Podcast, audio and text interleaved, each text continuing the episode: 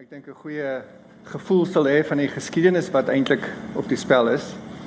Ehm um, ek hoop regtig dat Lucanio binnekort hier kan wees. Hy moes spesiaal van sy werk afvat in die Kaap en deurgejaag om hier te wees. En ons het lank voor die tyd gesels dat dit eintlik vir my 'n baie besondere voorreg is dat hy bereid is om deel te wees van hierdie gesprek uh met my spesifiek oor hierdie tema. Uh en Lucanio se skoonouers is ook hier.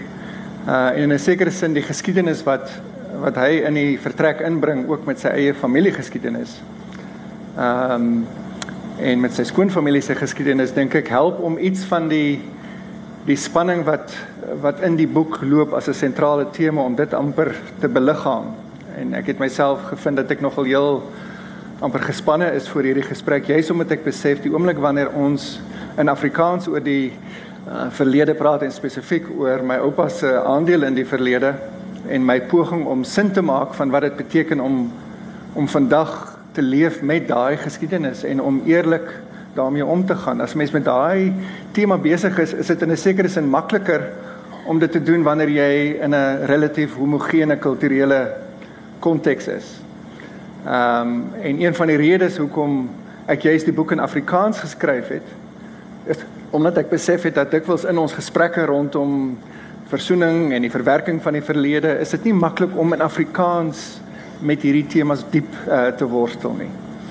Uh en ek besef dat daar is 'n ruimte nodig vir daai vir daai tipe gesprek ook juis in Afrikaans, juis onder mense van my agtergrond.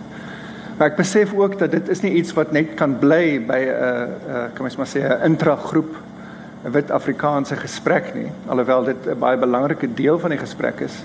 Die oomblik wat dit daai gesprek uitbeweeg en deel raak van 'n kan mens maar sê 'n intergroep of 'n oorkruis of 'n oorgrens interkulturele gesprek, dan maak dit natuurlik die die situasie baie meer ingewikkeld.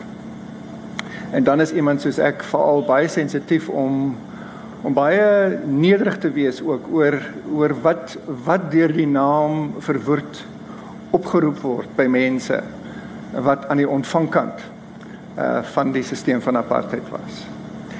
En van kleins af is dit is dit uh iets waarmee ek in 'n sekere sin groot geword het en soos wat ek nou uh kom ons maar sê meer blootgestel is aan die breëre Suid-Afrikaanse ervaring, uh het ek agtergekom daar's hierdie amper kan mens maar sê 'n onverzoenbare spanning of 'n onverzoenbare kloof tussen die oupa waarmee ek groot geword het.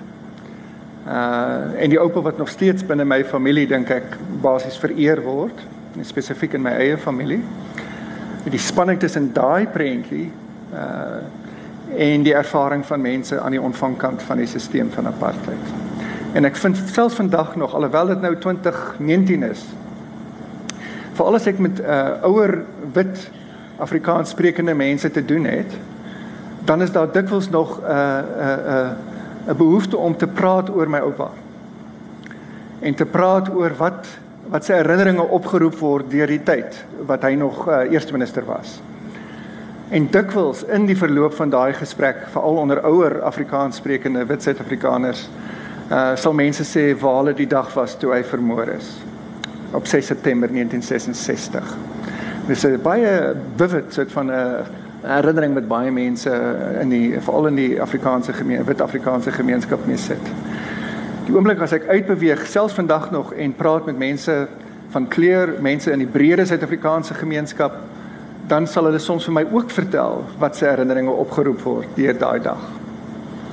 En dan dikwels is dit 'n herinnering eh, wat heeltemal kom ons maar sê uiteenlopend is en wat nie en wat nie versoenbaar is nie. Aan die een kant was dit uh, vir mense 'n dag van rou in 'n dag van skok uh vir 'n groot leier soos soos wat my oupa gesien is uh vir sy dood, sy onverwagte dood en aan die ander kant word dit beleef as 'n dag van dans, 'n dag van bevryding. So in 'n sekere sin is dit die die agtergrond ehm um, tot tot die skryf van hierdie boek. Ehm um, en in 'n sekere sin is die boek 'n uh, soort van 'n tweede 'n tweede uitgawe, 'n tweede hoofstuk, 'n tweede skof in my poging om om sin te maak van van wat dit beteken om vandag deel te wees van hierdie spesifieke familie en deel te wees van hierdie spesifieke etniese groepering, deel te wees van hierdie spesifieke rasse uh, geklassifiseerde groep. Wat beteken dit om eerlik te wees oor my, kan mens maar sê, beliggaaming? Wat beteken dit om in daai beliggaaming as ware in te beweeg en te sê dit is wie ek is? Om eerlik daarmee om te gaan sonder om my familie te verwerp, sonder om te ontken my spesifieke agtergrond en my my gemeenskapsagtergrond om empaties te probeer wees ook in terme van my eie familie, my eie gemeenskap, maar om terselfdertyd te sê ek moet ook luister na die mense wat aan die ontvangkant was, mense wat 'n baie ander belewenis gehad het van daai tyd en 'n baie ander ervaring het van van spesifiek my familienaam. En ek dink dikwels die familienaam word as ware 'n 'n gespreksopener. Dit dit dit is 'n is 'n reaksie wat dikwels by mense opgeroep word. En wanneer 'n mens dan bietjie stil staan en sê, "Maar goed, vertel my, uh, wat was wat wat was jou herinnering of wat was jou ervaring, wit en swart?" Dan dikwels roep dit 'n uh, 'n tipe geleentheid op vir ehm um, vir gesprek. Ek dink hier so dis die, ek dink hierdie hierdie breëre ervaring van van in hierdie spanning sit en en en 'n poging om as ware dit te probeer verwoord op 'n manier wat hopelik vir ander mense ook 'n uitnodiging sal wees om te sê maar hoe kan ons op hierdie pad dieper reis? Want ek dink dit is ons groot uitdaging is dat ons het polities in 'n mate vordering gemaak miskien sosio-ekonomies uit die aard van die saak baie min vordering gemaak, maar op 'n diep diep menslike vlak voel dit vir my daar's nog 'n 'n pad wat ons moet stap om by mekaar werklik uit te kom as as medemense. En spesifiek ook oor generasies heen. Ek sien hier's 'n paar jonger mense ook in die gehoor wat baie wat baie goed is. En deel deel van my werk is juis om nou ook vandag te kyk maar hoe kan 'n mens met hierdie gesprekke oor generasiegrense heen uh uh versoening bevorder. So die agtergrond is is is daardie eh, uitdaging wat ek baie persoonlik ervaar, baie beliggaamd ervaar. Maar daar was ook 'n belangrike invloed in terme van die skryf van hierdie hierdie boek. Ehm um, om juist te sê maar wat beteken dit om by my familie dieper uh, uit te kom.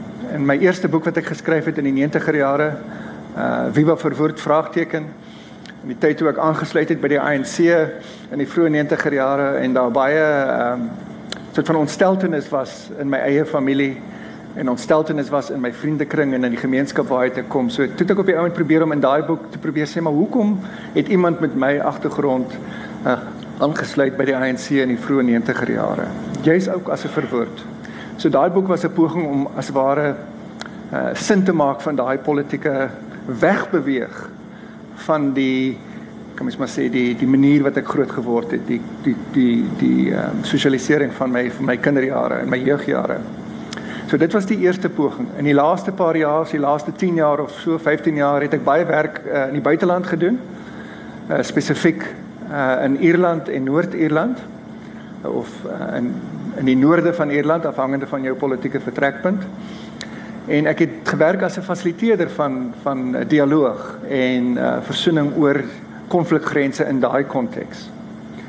Ehm um, en ons groot uitdaging was om om ruimtes te skep waar mense met verskillende politieke oortuigings, verskillende belewennisse van daai konflik wat ook honderde jare oud is. Hoe bring 'n mens mense vanuit daai verskillende perspektiewe in 'n sirkel, letterlik en figuurlik, waar hulle op 'n gelyke vlakke gaan sit en mekaar diep op 'n menslike vlak kan leer ken. My mentor en my my my vriend, uh my grootste vriend in hierdie jare was 'n uh, protestantse loyalistiese ex-paramilitêre uh aktivis wat as 'n jong mens uh betrokke geraak het in die Noord-Ierse konflik. 14 jarige, 15, 16 jaar mense doodgemaak en op die ouens vir 13 jaar in die tronk gesit. En terwyl hy in die tronk sit, kom hy op 'n punt waar hy besef maar hy wil graag die res van sy lewe daan by hom eerder die gevolge van geweld aan te spreek. En as jy vir Alistair sien of jy vir Alistair se ontmoet hy, hy's baie sigbaar in terme van sy sy getatoeëerde liggaam en hy's baie sigbaar in daai konteks wanneer hy in 'n in 'n in 'n sirkel instap waar ons saam fasiliteer en saam probeer dialoog bevorder dan kan jy amper kan kan jy hoor hoe mense reageer wanneer hy sy naam noem wanneer hy homself bekendstel wanneer mense besef maar hy was hy's nie net 'n fasiliteerder nie, hy's ook iemand wat direk betrokke was by daai konflik wat met bloed op sy hande. So vir jare het ek saam met Alistair gefasiliteer en en ook van die, my ander kollegas van die Republikeinse of die Katolieke kant. En die vraag wat wat toenemend by my gegroei het is dis nou goed en wel om hierdie werk te doen in Ierland en Noord-Ierland. Ehm um, wat sou dit beteken om 'n fasiliteerder te wees in die Suid-Afrikaanse konteks? Gegeewe my beliggaaming. Nou ek het nie tatoe ek het nie ek het nie tatoe soos Alistair nie en ek het miskien nou nie direk betrokke gewees by die doodmaak van mede-Suid-Afrikaners nie. Maar ek kom met 'n baie spesifieke beliggaaming. En ek weet en uit my ervaring ook die laaste paar jaar, die oomblik as ek in 'n vertrek instap en begin fasiliteer veral vir swart Suid-Afrikaners of mense van kleur, die oomblik as ek my naam noem, die oomblik as my my beliggaaming as ware sigbaar word, dan roep dit eh, 'n uh, klomp 'n uh, klomp uh, herinneringe en 'n klomp trauma op. So die uitdaging vir my was hoe kan ek as 'n fasiliteerder in Suid-Afrika met integriteit versoening probeer bevorder oor rasgrense heen? Hoe kan ek eerlik wees oor wie ek is. En so die boek was as ware 'n poging om dieper in daai my eie reis in te beweeg. Maar spesifiek was die uitdaging ook vir my om te sê maar ek kan nou wel uitreik na na mense van kleur of mense van ander kulturele en rasse agtergronde, maar wat van my eie familie? Wat spesifiek van my oupa? As ek in 'n sirkel sou gaan sit van Suid-Afrikaners oor generasies heen, is ek bereid om ook saam met hom in daai sirkel te gaan sit is ek bereid om werklik ook na sy storie te luister. Met al die on, politieke ongemak wat vir my daarmee gepaard gaan en met al my bewussyn van van waarvoor die stelsel in 'n sin verantwoordelik is ook in terme van mense se ervaring. So so as 'n fasiliteerder van versoening het ek besef ek moet ook uitreik op 'n dieper vlak en as ware terugkeer na my eie familie op 'n dieper empatiese vlak. So die eerste boek was in 'n sin 'n 'n 'n storie van wegbeweeg van ont, van ontnugtering en vervreemding. Uh die tweede boek, hierdie boek Bloedbande is 'n poging om te sê maar hoe hoe beweeg ek ook nader? Hoe beweeg ek ook op 'n meer empatiese vlak nader aan my eie familie? Hoe maak ek sin van hierdie bloed wat as ware in my gene is? Hierdie hierdie genetiese erfenis. My oupa is in my. 'n Kwart van my gene kom van hom. So as ek hom verwerp, as ek my pa verwerp omdat ons diep polities verskil, wat doen dit ook aan my eie ervaring van van tuiskoms in my eie vel, in my eie bloed en been. So die tema van bloedbande begin dan 'n 'n 'n belangrike uh, rol speel om te sê maar goed, hier is hierdie onbreekbare, soos my tannie Annetjie Boshoff gesê het, daar's 'n familie is 'n band van bloed wat nie gebreek kan word nie dit voel nie altyd so nie. En dit voel asof daai band wel gebreek kan word maar op 'n diep op 'n diep menslike vlak is daar hierdie bloedband genetiese band uit die aard van die saak maar ons praat metafories van 'n bloedband. En in 'n sin probeer hierdie boek sin maak van daai spesifieke bloedband. En ek het gaan sit en vir my ma vertel maar vertel my van ma se grootwordjare met my pa met my tannie Annetjie Boshoff in Orania En in die proses ontdek ek eh, 'n uh, dagboek wat my ouma ge, ge, gehou het. Wat ek nie van bewus was nie. So dik 500 bladsye, so A4, nee, omtrent groter as 'n A4. Eh, net so 'n dik dik dagboek wat sy gehou het in die tyd wat my oupa uh, eerste minister was. Uh, so dit begin hier so 1958 en dan gaan die dagboek tot 1966 September 1966 en sy skryf in relatiewe detail oor haar belewenis van daai tyd. En daai boek het vir my geweldig gehelp om as ware my oupa beter te leer ken, want hy het nie dagboeke gehou nie. Hy het nie briewe eintlik geskryf nie. Hy het nie hy het nie hy het nie iets nagelaat wat 'n mens kon sê maar ek wil hom as mens probeer verstaan nie. Ek ek ken sy politiek, ek wil sy politiek is baie bekend. Daar's 'n klomp goed wat oor hom geskryf is, sy toesprake, daar's boeke vol van die goed. Maar ek kry nie toegang tot sy binnewêreld nie. So in gesprek met my ouer familielede en spesifiek met daai dagboek. Ehm um, en deur my ouma se oë en en ek wil sê was hulle was geweldig lief vir mekaar. Ek wil dit was 'n 'n 'n diep liefdesverhouding. En sy skryf oor hulle jeugjare, hoe hulle mekaar leer ken het en dan hierdie hele pad wat wat hulle saam stap ook in die politiek. Uiters positief, vererend, geen kritiek uit die aard van die saak nie. Dan kom daar 'n breuk in die dagboek. 6 September 1966 so 10 dae later Uh daar is die is die beskrywing van die van die aanslag. En uh just need to get net gou die mikrofoon kry asseblief. Oh you've already yes, okay. Hello kan. Oh you ek net sê dankie. Dankie. Ah okay. So ek sal net hierdie een stukkie klaar sê. So so die so die die die die die die tweede deel van hierdie dagboek raak 'n sekere sin 'n 'n rouboek waarin my ouma in detail vir omtrent 3 jaar skryf oor oor watter ervaring was van my oupa se dood.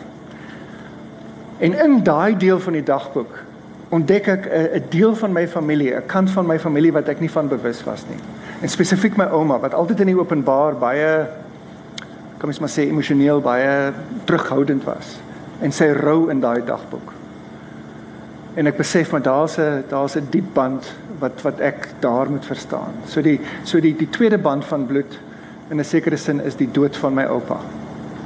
Uh en wat het die dood van my oupa, die bloed van my oupa gedoen aan my familie, my verhouding met my pa spesifiek, maar ook my ouma se verhouding met hom. So dis die tweede band van bloed. En ek dink dit is heel ehm um, toepaslik dat Lucanio juis instap voordat ek iets begin sê oor die derde band van bloed. En dit is die mees uh komplekse een vir my. Want daar is ook 'n band van bloed as gevolg van my oupa se betrokkeheid by die stelsel van apartheid. Daar is ook bloed op sy hande. As gevolg van wat uh hy en mense soos ek en ons gemeenskap gedoen het aan jou en jou familie en jou gemeenskap. Ehm um, en ek dink deel van die boek is is 'n poging om ook dit eerlik uh, aan te spreek. So ek dink op hierdie punt wil ek stop en ek ek is baie bly en en en baie dankbaar dat jy wel bereid is om uh, deel van hierdie gesprek te wees. Alright. Ah, uh, wel goeiemiddag almal. Uh my naam is Lukai Netgelat. Uh eerstens wil ek baie jammer sê aan julle almal maar ek 'n bietjie laat is. Julle dorp is uh is klein en dis baie mense met baie karre en parkeerplekke is moeilik om te vind en Ja, maar in elk geval, uh my uh ek is baie uh, jammer omdat ek laat is. Ek sien uh ek sê vir Lelom of oom. Lelom is okay. ek sien wel Lelom het al klaar begin met uh met sy toespraak oor die boek en uh, die titel van die boek en hoekom die die hoekom jy die boek bloedbande genoem het dit sou in elk geval my eerste vraag gewees het aan jou. Um en ek wil net baie dankie sê vir die eer en die voorreg om uh, wat u aan my gegee het om die gesprek uh met jou te voer oor jou boek. Um vir my uh, vir my was dit 'n baie moeilike boek om te lees. Um veral omdat vir my die naam verword toe ek groot geword het uh was was was basies 'n 'n 'n amper soos 'n vloeknaam in my gemeenskap. En baie moeilik om dit te lees maar maar ek het en ek kon ek koneksie maak met jou want as baie die in die, in uh, in die boek praat jy baie van obviously van wat dit beteken om verwoord om 'n verwoord te wees. En ek het groot geword uh met my van gelaat. So as plekke waar ek kon 'n koneksie maak met jou as as, as mens.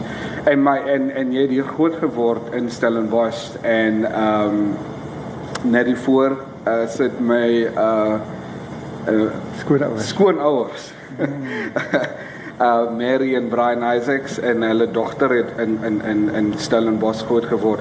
Vertel 'n bietjie van my mm. van jou daar van groot word hier in mm. Stellenbosch. Mm. Dankie Lucanio. Ja, ek het bietjie in die diep kant ingespring uh, en sommer dadelik begin praat oor my oupa en oor jy weet die hele storie hoe ek nou probeer sin maak daarvan. Maar ek dink is goed om amper ook daarby te begin en ek was baie bewus nou die dag toe ek vir Abigail gaan uh, oplaai by jou skoonouers se huis dat dat dit in 'n sekere sin 'n klip gooi letterlik en figuurlik van my ouers se huis af is aan die suidekant van Idas Vallei en ek het groot geword in Eni Park. Ehm um, aan die kom ons maar sê die noorde kant van Eni Park. Ehm um, en in 'n sekere sin was my hele lewe sedert my mid 20s toe ek nou bietjie polities begin bewus word het 'n poging om as ware daai pad oor te steek van my ouers, my ouerhuis, die wit Afrikaanse middelklas woonbuurt en die voortrekkers in die NG Kerk en al die dinge waaraan ek uh, blootgestel is toe ek jonk was om oor te beweeg as ware en in te beweeg in die ervaring van mense wat aan die ontvangkant van van die stelsel was. En in 'n sekere sin is die die dit was die eerste boek en die tweede boek is in 'n sekere sin 'n poging om te sê maar ek moet ook nou weer terugkeer na my ouerhuis en op die ou end probeer om te aanvaar maar dit is wie ek is. Ek kom uit hierdie familie uit. Ek kom van Stellenbosch af en terselfdertyd probeer ek uh, brûe bou oor daai pad. Uh, so in daai sin is die Stellenbosch deel van my my storie dink ek is is is 'n storie van apartheid. Ja. En 'n poging om nou brûe te bou. Uh, maar hoe hoe bou jy brûe veral as as jy baie min kennis het van wat aan die ander kant van die brug lê vir uh, in die park en en Idas Vallei. Ja. Twee baie verskillende woongebiede ja. in Stellenbosch wat so baie van mekaar verskil ja. en dan praat ons nog nie eers van Kayamnandi nie. Ja. Ja. Hoe bou jy dit? Wel ja, um, ek wil dit is 'n dit is 'n groot vraag. Ek dink in my geval ironies moes ek oorsee gaan studeer om te begin om daai brug, om daai pad oor te steek. Ek dink my sosialisering in die 70er jare en die 80er jare, veral die die donker jare van die van die 70er en die 80er jare en die soort van gemilitariseerde Afrikaner Christelike stryder vir Jesus soort van bewussyn was soos 'n kokon of was soos 'n muur wat wat wat ek dink my verhoed het om werklik oor daai pad te stap. So in die mid 80er jare dink ek was ek baie gelukkig om 'n uh, paar jaar in die buiteland te gaan studeer. En vir die eerste keer as ware eerlik en openlik en op 'n gelyke vlak uh kontak te hê met met swart Suid-Afrikaners, Suid-Afrikaners van kleur. En en daai was die die sleutel wat as ware 'n pad oopgemaak het. So dit was nie die akademiese goed nie, dit was nie die lees nie, dit was die die ontmoeting buite my my ruimte waar ek in beheer was en waar ek die meerderheid was in die kokon waar waar waar oom groot geword het. Was daar swart mense? Ek dink dis deel van die probleem. Daar was uh, swart mense, maar dit maar, geen, maar ek kan nie aan 'n enkele voorbeeld dink waar daar 'n gelyke verhouding was nie. So dit was altyd in 'n verhouding van kan ons maar sê minderwaardigheid of mense wat vir die familie werk of met wie jy as ware in 'n paternalistiese opheffingsverhouding is dikwels met baie goeie bedoelings, maar 'n definitiewe ongelyke paternalisme was was die kultuur waarbinne ek groot geword het. En en en as 'n dink dink jy as 'n as 'n verwoord was daar die ongelykheid ehm um, of ongelykhede was hulle meer prominent om omdat omdat um, kyk die as ek daarin stap dan stap ek in die eerste minister se se se se familiehuis en ja. so was daar die ongelykhede meer ehm um, uh, ja ek, hmm. ek kan net die die die regte Afrikaanse uh, were they accentuated was hulle okay ehm um, ek dink soos ek ouer geword het het ek in my kontak met swart Suid-Afrikaners het ek besef hoe daai naam 'n klomp goed oproep. So definitief in my verhouding tot tot tot Suid-Afrikaners van kleur is daai naam 'n baie groot kan mens maar sê dit impak en in 'n sekere sin dwing dit my om met issues te deel. Binne die Afrikaanse wit gemeenskap was daar definitief 'n tipe van 'n 'n vereringskultuur. So ek sê nie dis nie heeltemal die ongelykheid waarvan ons nou praat in terme van swart Suid-Afrikaners nie, maar daar was daar was ek het groot geword met skoolmense, kerkmense, ouer mense wat gesê het jy moet trots wees en ons verwag baie van jou omdat jy 'n lid van hierdie besondere familie is. So ek dink dit het tog uh, 'n rol gespeel in my myself selfbegrip. En en en en wat het sulke uh kommentaar aan aan aan aan aan jouself gedoen en en jou waardering van van van swart mense van obviously die wit gemeenskap sê vir jou uh jy jy moet jy moet trots wees om verword te wees. So op ek, ek kan verstaan dat jy ook die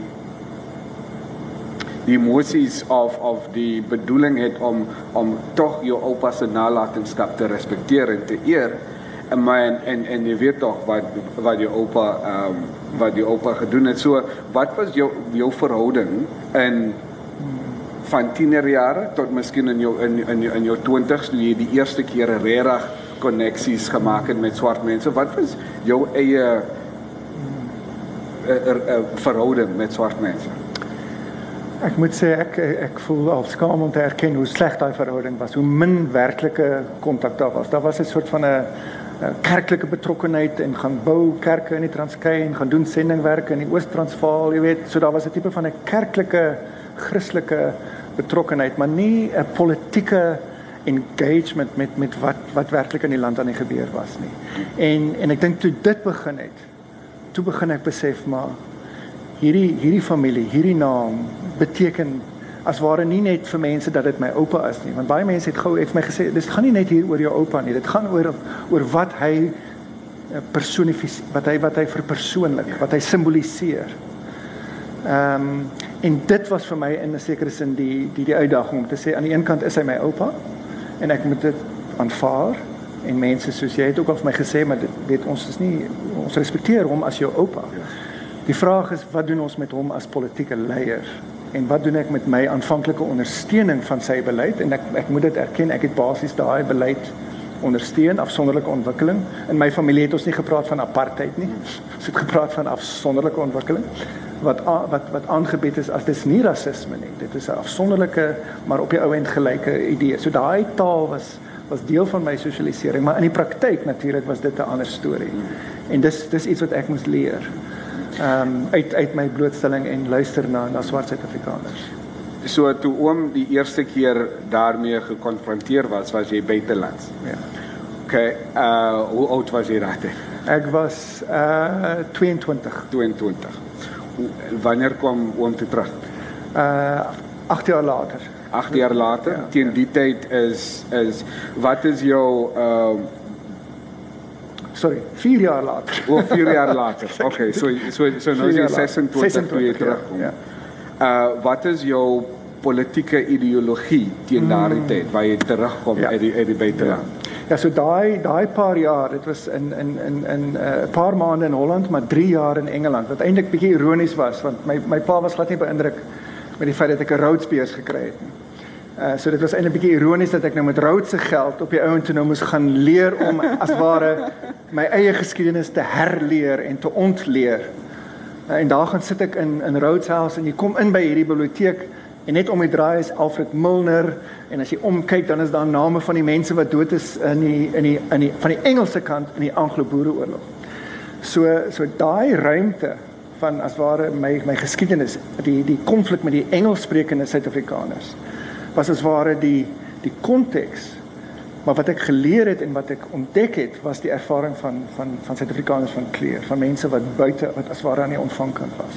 En daai 3 jaar dink ek is wat ek nodig gehad het om in diepte die goed te begin bestudeer om as ware my hele manier van kyk na die wêreld te begin verander en te begin besef as ek myself 'n Christen wil noem as ek myself 'n uh, iemand met basiese waardes van menswaardigheid en liefde wil, dan moet ek betrokke raak by 'n proses om hierdie stelsel te verander. So geleidelik, geleidelik het ek op die punt gekom waar ek besef het ek moet polities betrokke raak. En op daai stadium was die ANC vir my die die die die beste manier om dit te doen. Okay. Ons gaan terugkom na die ANC toe wanneer ek my eie issues met met die ANC. Uh Dis nou die ANC van 1992. Ja. Wat baie verander uh, baie anders is as uh, vandag se ANC. Maar in elk geval die oom het vroeër gepraat van die uh, gemilitarisering uh of of militarized. Vir my was toe to ek oom se boek lees was daar insig oor Afrikaners die die die die volk uh waar oom praat van die die brief of wat oom van die van die van die van die military gekry het dat gesê is 3 jaar voor die tyd was oom al gereed. As kind het ek altyd gewonder wat word die ouens in die in die in die polisie die uh sekuriteits tak die ouens in die in die in die army wat word julle geleer of wat is vir hulle aangespreek of gesê van wat ons as swart mense is. En ek ek vra die vraag die konteks is dit. My pa is obviously vermoor deur uh die sekuriteits uh tak in in in 1985.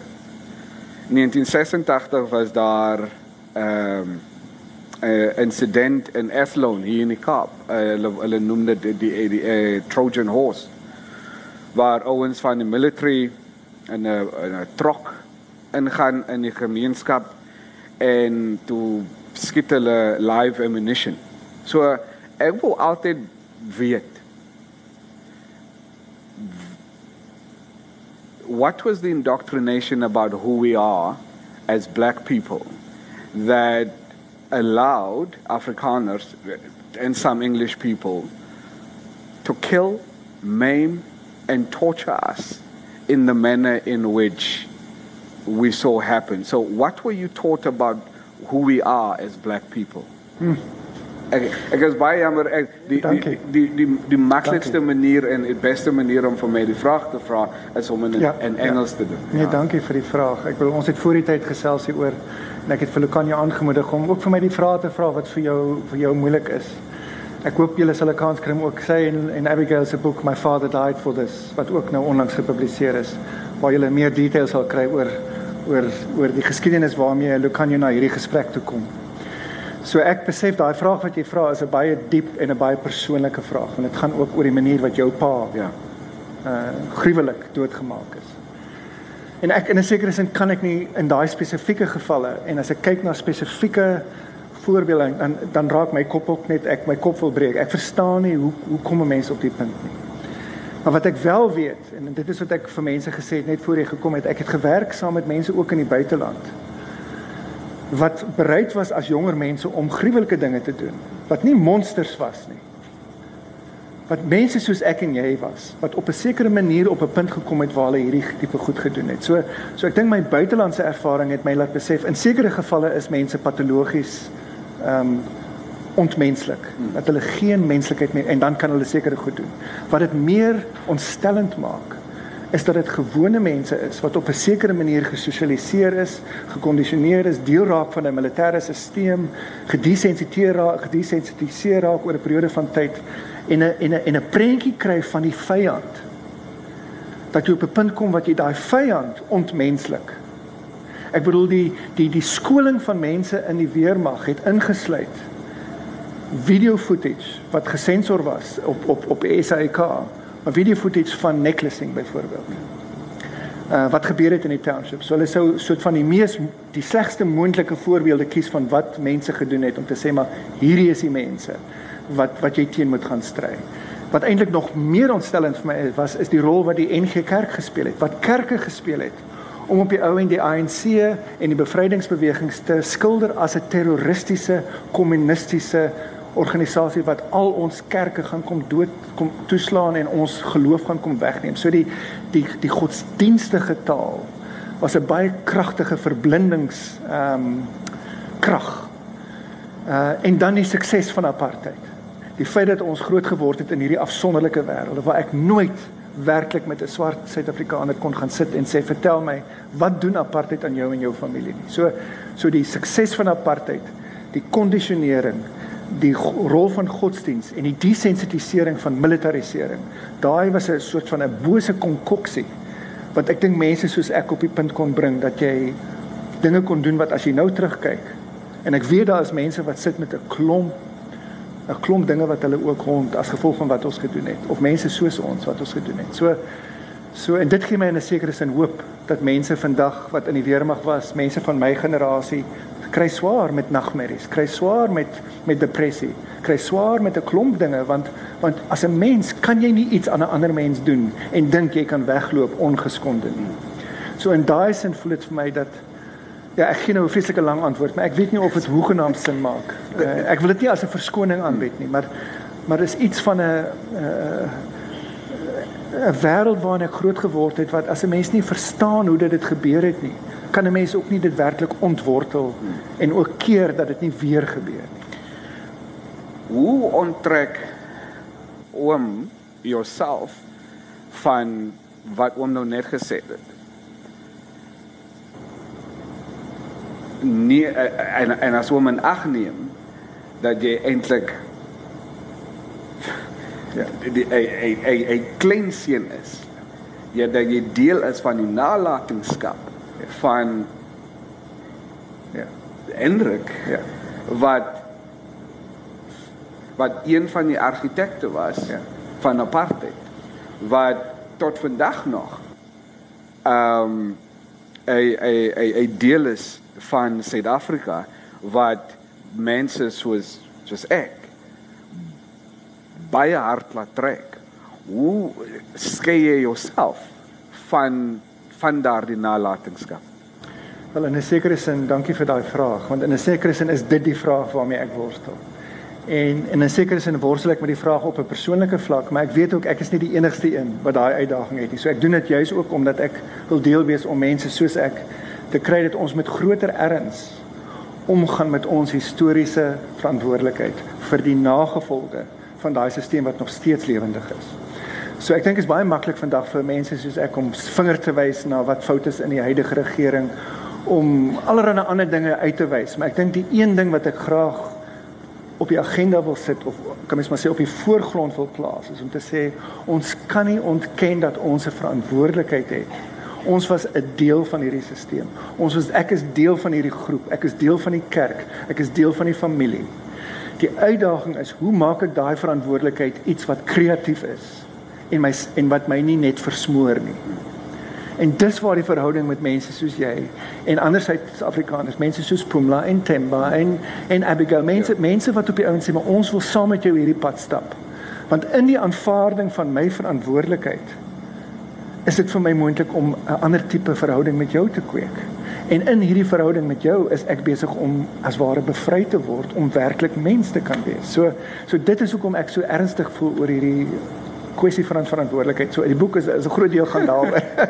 Alright, en uh ek weet nie ons tyd, hoeveel ons tyd met vrae en, en, en trek ons? En enigiemand in die gehoor wat baie graag iets wil sê of wat wil kommentaar lewer of 'n vraag vra, jy is welkom. Uh steek net jou hand in die lug asseblief en dan sal ek na jou toe kom. Uh, hoe lyk ons tyd? Ja, hoe laat is dit? Dit's kwart voor. Okay, ons het 15 minute. 15 minute. OK, en dan uh so ons nog wag vir antwoorde. Kom hoe hoe hoe vat ons die worsteling wat jy mee sit? En dan plaas ons dit nie net in 'n individu nie, maar in in in in 'n hele gemeenskap, in 'n hele volk. En ek vra die vraag want vir my is dit ons as swart mense ons het ons het nie onsself onderdruk nie. Right? Maar nou sit ons in 'n situasie waar die onder waar ons nog steeds um the part of of uh, we still at disadvantaged by the oppression. So hoe kry ons die Afrikaanse en miskien tot die Engelse volk om by 'n uh, punt uit te kom waar hulle dan dat ons aan samenhande vat om te sê okay dit is ons geskiedenis. Dit is waarvan af ons kom. Ons our wealth is built on the backs of black people. So how do we then help advance the same people that we used to oppress? Hoe kom ons by daardie punt uit Dankie, dankie Lekanjo. Ehm um, in sekere sin is dit die hoof fokus van my lewenstaak op die oomblik. Ek werk nou 'n bietjie as 'n as 'n fasiliteerder ook hier by die universiteit, maar ook met die NG Kerk, ook met ander organisasies waar ek probeer om te sê spesifiek ons as mense wat wat 'n spesifieke historiese rol en spesifieke verantwoordelikhede het as gevolg daarvan. Hoe kan ons betrokke raak by by prosesse waar ons werklik begin deel en begin betrokke raak by restituisie? Want dit voel vir my as ons nie meer daarvan gaan doen nie en ek sluit my kinders in. En van die jong mense wat hier sit, ek weet dis moeilik om soms daai ding te verstaan, maar ek dink ons moet 'n manier vind om ons voortdurende bevoordeling te sien as 'n geleentheid om te deel, om iets terug te ploeg, om om nie op 'n paternalistiese manier nie, maar op 'n nederige eh, erkenklike manier om met met met met 'n met 'n verantwoordelikheidsbesin te sê maar hoe kan ons hierdie goed aanspreek? Want as ons van die politici dit verwag, as ons van ander mense dit gaan verwag. Ons het nie 'n toekoms dink ek in die langtermyn as ons nie hierdie tipe gesprek omskep in dade van kreatiewe restitusionele verantwoordelikheid nie. En as oom nou so sit in die aand en met met alleen en probeer dink hoe ons daar kom, wat is wat, wat is van die antwoorde wat na jou toe kom? So uh, twee van die dinge wat vir my hoop gee op die oomblik is om te werk met die veral met met van die jonger mense in die volgende geslag binne die NG Kerk maar ook hier op hierdie kampus. Daar's daar's 'n energie en 'n soort van 'n kreatiwiteit. En ek dink daai intergenerasie verhoudings tussen my geslag en die volgende geslag, ons moet partnership, ons moet saamwerk en mekaar ook ondersteun om betrokke te kan wees by behoorlike restitusionele projekte. So dis die een ding wat my hoop gee. Die ander is om te werk met plaaslike gemeenskappe. Spesifiek in my geval is ek baie betrokke nou by die NG Kerk, want ek dink daai organisasie het 'n baie spesifieke verantwoordelikheid om te werk met predikante in gemeenskappe, in dorpies, in verskillende dele van die land om te sê op 'n plaaslike vlak, hoe kan ons ekumeniese verhoudings bou en hoe kan ons op die ou end iets prakties doen wat 'n verskil doen maak aan mense se armoede en se ongelykheid? Opvoeding. Ehm um, so dis die goed wat my opgewonde maak dat daar is mense wat bereid is om daai pad te stap. Ons moet dit net meer sigbaar maak en dit as ware as voorbeelde uitlig om te sê dis wat ons moet doen. Is, is daar is daar ekstra verantwoordelikheid omdat omdat ouma verwoord is? Ehm um, mense vra my die vraag en ek in 'n sekere sin eh, dink ek ja. Ek wil ek dink mense ek moet baie versigtig wees om nie te veel eh, verantwoordelikheid te aanvaar nie. Ek kan nie volle verantwoordelikheid aanvaar vir wat my oupa gedoen het nie. Hy moet verantwoordelikheid aanvaar ook vir van sy dade. Maar die werklikheid is dat hy in 'n sekere sin nog steeds lewe in mense se ervaring en se herinnerings. En ek het 'n verantwoordelikheid as 'n lid van daai familie om erkenning te gee, om om vir mense te luister, om te sê maar ek is jammer oor wat op die ouend ook hier gebeur het. En ek ervaar oor en oor en oor as ek bereid is om te sê ek luister en ek erken as 'n verwoed, dan maak dit tog 'n verskil vir mense wat sy naam assosieer met met soveel pyn. So in daai sin dink ek het ek het ek 'n heel spesifieke verantwoordelikheid in verhouding as 'n lid van die familie.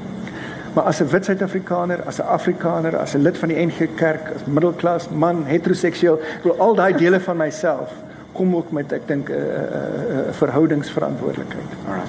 Enige vrae?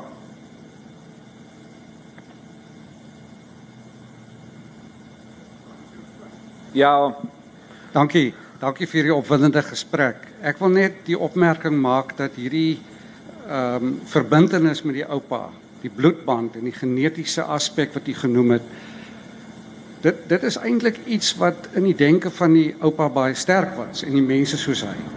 So ek wil amper pleit vir 'n ander benadering waarom mense sê ja, daar is hierdie bande, want die bande is veral een van opvoeding, van denke, van oordrag van kennis, van vooroordeele ensovoorts. Kom ons los daai biologiese band 'n bietjie eenkant alhoewel hy baie belangrik is vir gevoel, vir aanleg, vir allerlei karaktereienskappe en so aan.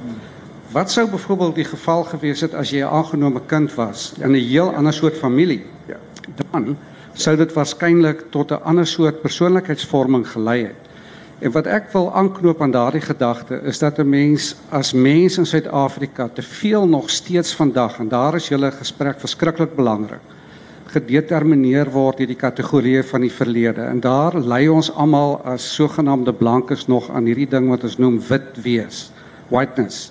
En ek dink een van ons take in hierdie land is om dit af te breek. Dit het weinig te maak met die kleur van jou vel, maar baie te maak met die kleur van jou denke, hoe jy dink oor menswees. En ek wil dit net as 'n vraag stel of dit ons nie help om minder te dink in terme van die kollektiewe skuld en die kollektiewe identiteit en meer te dink in terme van wat ek as individu daarmee doen en hoe ek dan hierdie sosiale vraagstukke rondom witheid, skuld ensovoorts aanspreek veral deur 'n individueel morele rol te speel in 'n in 'n 'n standpunt in te neem sonder om my te laat domineer. En ek vra hierdie goed uit 'n eksistensiële behoefte omdat ek self met 'n familiegeskiedenis worstel waar daar dinge is wat wat vir my baie onaangenaam is en waarmee ek nie blywend geassosieer en gedetermineer hoef te wees nie. net baie kortliks, ek wil daar's 'n foto wat ek gekry ontdek het van waar ek sit op my oupa se skoot en hy hou 'n melkbottel vas. So baie buitengewone beeld. En is daai melkbottel dink ek wat hierdie kulturele waardes, al hierdie ander maniere wat ek as ware met my oupa se melk gesosialiseer en gekondisioneer is. So en ek dink dit open 'n hele 'n baie breër perspektief as net die bloed, kan mens maar sê die genetiese koneksie.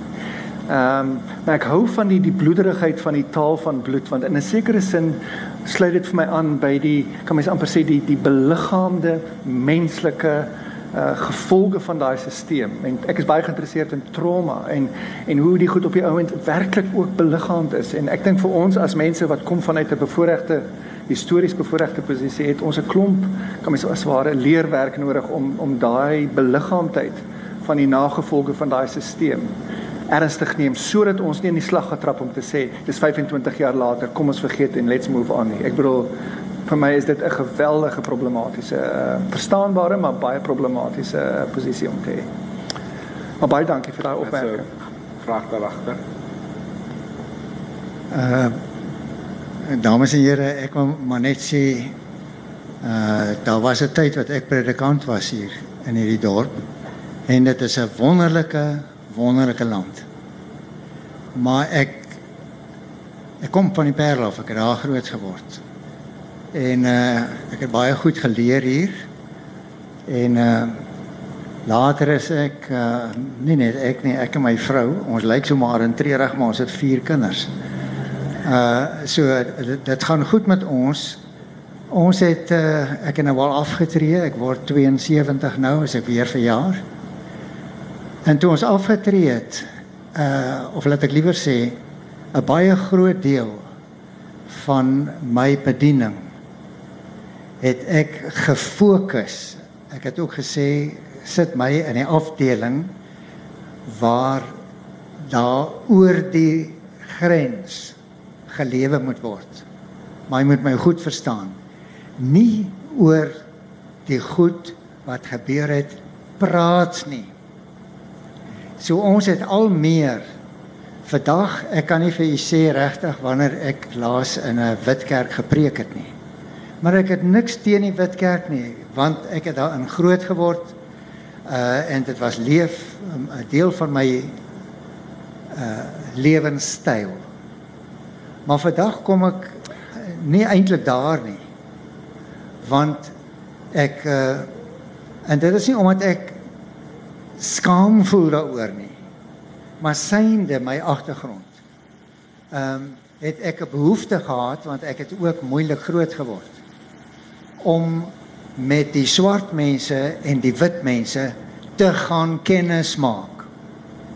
En dit is nie so maklik om met ander mense as jy nie eers hulle taal kan verstaan te praat nie. Die enigste manier is om met hulle kontak te maak. Dankie. Dankie. En ons praat baie gerieflik oor hierdie goed. Maar ek wil vir u vra, hoeveel van u ek uh, ons gaan nou as as hierdie week nou verby is dan dan uh, preek ek weer. Uh ja. vir swart mense en vir bruin mense uh en daar is nie een wit gesig daar nie. Ja. Maar dit Dankie, wat dankie. Ons het ons tyd is baie min. Ek wil net hoor of jy dalk van die jonger mense is wat ook iets wil sê. Okay. So ons kan nog uit. Daar's baie meer om te hoor, maar baie dankie vir daai bydrae. Maar ek is so bewus van ons tyd en ek is so ge- ek sien daar's een vraag van 'n jonger persoon. Uh en wie ook al, maar ek Ja. ek wil net asseblief as ons ook bietjie kan hoor van die jonger mense. Oh, I'll be quick. Thank you so much. You know, what I really believe is that we can't solve this problem. It is so big, and I often feel so overwhelmed by our past, our history, the injustices. But the, what my appeal to everybody here is that we employ staff either through chefs or through drivers or through um, domestic workers or through our gardeners. And in this way, we touch the lives of black and colored people right in our homes. and my appeal is to treat those people with absolute dignity, respect, and the correct wages and not to exploit them. Thank you. All right. Thank you very much, man. I think there's a hand. Could you As dit is een Young blood. een van die ouens wat jy Ja.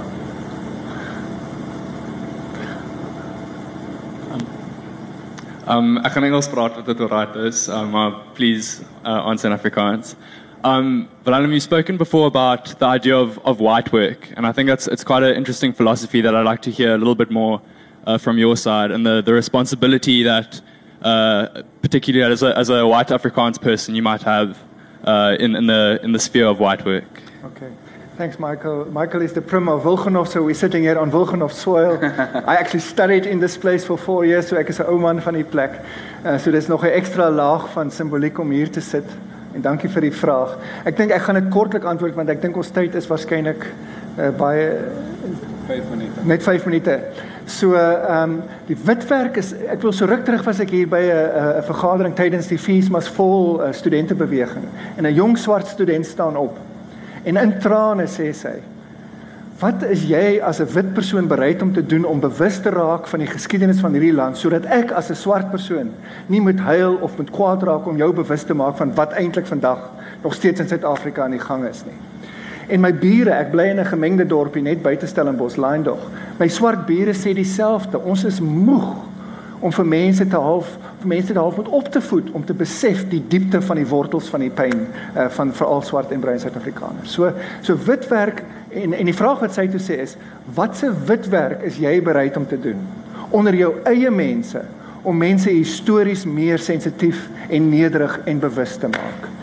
En dis 'n klomp van my werk op die oomblik om te sê, maar ek dink ons as kan ons maar sê wit Suid-Afrikaners as as as as Afrikaanssprekende Suid-Afrikaners, ek dink ons moet baie werk doen om werklik te probeer verstaan wat in hierdie land gebeur het sonder om ons eie geskiedenis te ontken. Maar om uit te reik en moeite te doen om te probeer verstaan werklik sodat wanneer ons met praktiese issues met te maak het dat ons 'n baie beter historiese en 'n baie meer nederige selfkritiese historiese bewussyn wat ons as ware in die gesprek inbring. Um, if I can just add to that, uh, I think as a black person, uh, wat uh, vandag in Suid-Afrika groot word of ja uh, familie groot maak, is vir my een van die belangrikste aspekte is vir wit mense om conscious te wees van wat dit beteken wat wat wat wat dit beteken om wit te wees. Meeste van die tyd is die issues wat ons as swart mense het met wit mense nie noodwendig finansiëel of of materialisties is nie. Maar is die feit dat wit mense hulle they they undermine us, they dehumanize us. Hulle dink ons is nie mense omdat ons 'n 'n 'n 'n donker vel het nie. Beyond or deeper than the skin, we're all the same. The skin is just it's got just got more melanin, right, which makes it a little bit darker. But other than that, we're all the same. And for me, as a as a South African living in South Africa today, my plea is just be conscious of what it means for you to walk around in a white skin. Therefore, when you relate to an individual like myself who's got a darker skin, do not come with an attitude of, of arrogance, of superiority, of because that triggers it triggers something within us that says, But who do you think you are to treat or talk to me in a manner like that? And yes, our parents didn't necessarily have, they couldn't say those things when they were growing up because they grew up under apartheid. But we're different. And we are happy to challenge the status quo when we feel that we're being we're being treated in a manner that undermines our humanity. And most times we find that humanity or menselijkheid is only reserved for white people. And that's when it triggers to us that you, you, that can't be.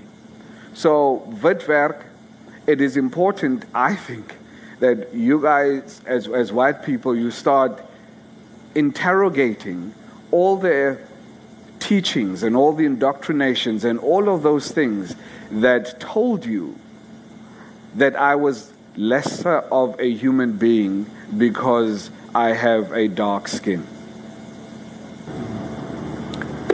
Thank you. Thank you, Lucanio. Thank you. Inkosi kakhulu. Ek is jammer, ek is jammer ons tyd is so min. Hierdie is eintlik maar die begin van 'n groot gesprek. Ons sal na die tyd hier wees, daar's 'n tafel dink ek as mense wil boeke en ons kan 'n teken en so aan, maar ek hoop dat ons van hierdie gesprekke sou kon verder voer. En ek bly dat van die jonger mense hier is wat deel is van hierdie proses om te sê maar hoe kan ons uh hierdie gesprekke ook gebruik as deel van 'n proses om 'n verskil te maak in ons land. Baie dankie. Baie, Baie dankie, dat dankie. baie dankie dat jy gekom het.